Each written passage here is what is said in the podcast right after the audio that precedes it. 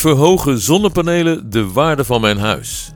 Die vraag die krijgen we nog wel eens als onze kopers en verkopers nadenken over de plaatsing van zonnepanelen. Nou, daar kan ik een kort en een lang verhaal over houden. In het kort, ja, zonnepanelen zijn waardeverhogend voor je huis. En waarom? Omdat de maandelijkse lasten van je huis dan voor de toekomst altijd een zeker bedrag lager blijven dan zonder zonnepanelen. En de lange uitleg, die krijg je hierna. Hey, welkom bij Woonweerweetjes, het weerbericht voor de Nederlandse woningmarkt.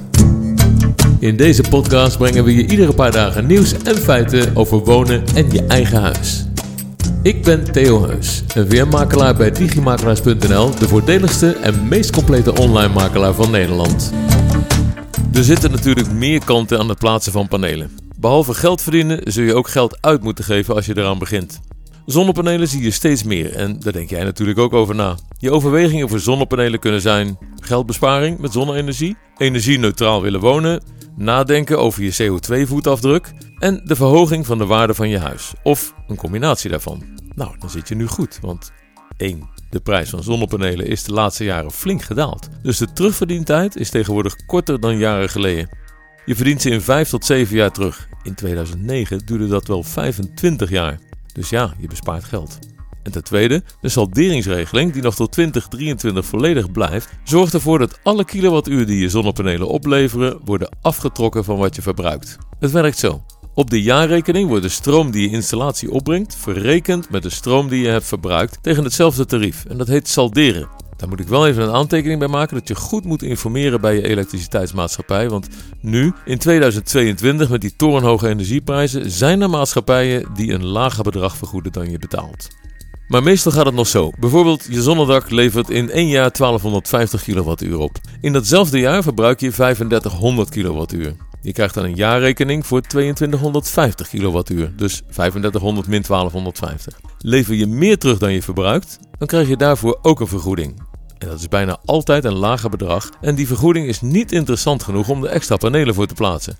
Maar als je panelen plaatst, kijk dan ook even naar de toekomst. Ga je bijvoorbeeld elektrisch rijden of neem je een warmtepomp, plaats dan meer panelen als dat mogelijk is. Voor het salderen gelden een paar voorwaarden, maar die zijn niet zo ingewikkeld. Kijk op de site van je energieleverancier voor meer uitleg. We zijn nog steeds bij de voordelen. Dit is het derde voordeel. Vanaf 2023 wordt de salderingsregeling in stappen vervangen door terugleversubsidie. Dat is nog steeds een voorstel en dat kan nog veranderen, maar het idee is dat je dan ieder jaar minder stroom mag salderen tot je in 2031 helemaal niet meer mag verrekenen. Stroom die niet meer wordt gesaldeerd, wordt wel betaald door je energieleverancier, maar tegen een lager tarief. Doel van de minister is dat je je investering op die manier in 7 jaar terugverdient.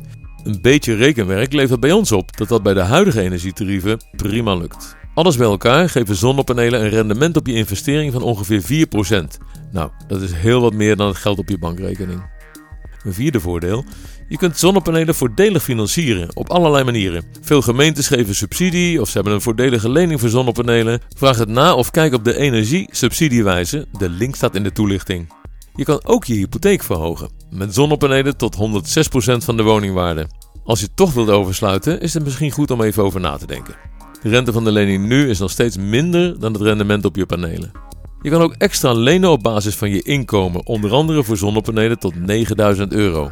Ook mooi om uit te zoeken. En dan is er nog de energiebespaarlening. Die kun je vanaf 1 juni 2022 voor 100% besteden aan zonnepanelen. En je kan ook nog een duurzaamheidslening aanvragen. De gemeentes die hier aan meedoen, dat zijn ze niet allemaal, maar die vind je op de site van de SVN. En de link heb ik in de toelichting onder de podcast gezet. Dus nog even aan denken. Onder de podcast vind je in de toelichting alle links naar interessante sites op het gebied van financiering van je zonnepanelen. Je kan BTW terugkrijgen over de installatie. En dat is al heel snel een bedrag van 1000 tot 1500 euro of meer. Nou, dat helpt ook mee voor de terugverdientijd. Omdat je investering dan weer lager is. Er komt waarschijnlijk nieuwe wetgeving waarmee er geen BTW-plicht meer is op zonnestroom of zonnepanelen. Maar zover is het nu, oktober 2022, nog niet. En wat is dan de invloed van zonnepanelen op de waarde van je huis? De waarde van je huis gaat omhoog, want 35% van de woningzoekers zoekt naar een huis met zonne-energie. Verder heb je een huis met een beter energielabel. En wat dat oplevert, daar heb ik net een video over gemaakt. Ook die link heb ik in de toelichting. Het huis heeft lagere energielasten. En de hypotheek voor de koper kan hoger worden, zoals ik al eerder vertelde. Uit onderzoeken is gebleken dat een huis met zonnepanelen gemiddeld 2,56% meer opbrengt dan een huis zonder zonnepanelen. Voor een huis van 3,5 ton dus bijna 9000 euro. En het wordt dus sneller verkocht, zoals ik al zei. Dus ja, wij zijn voor zonne-energie. Lukt het je financieel? Dan vinden we dit de komende jaren een echte aanrader.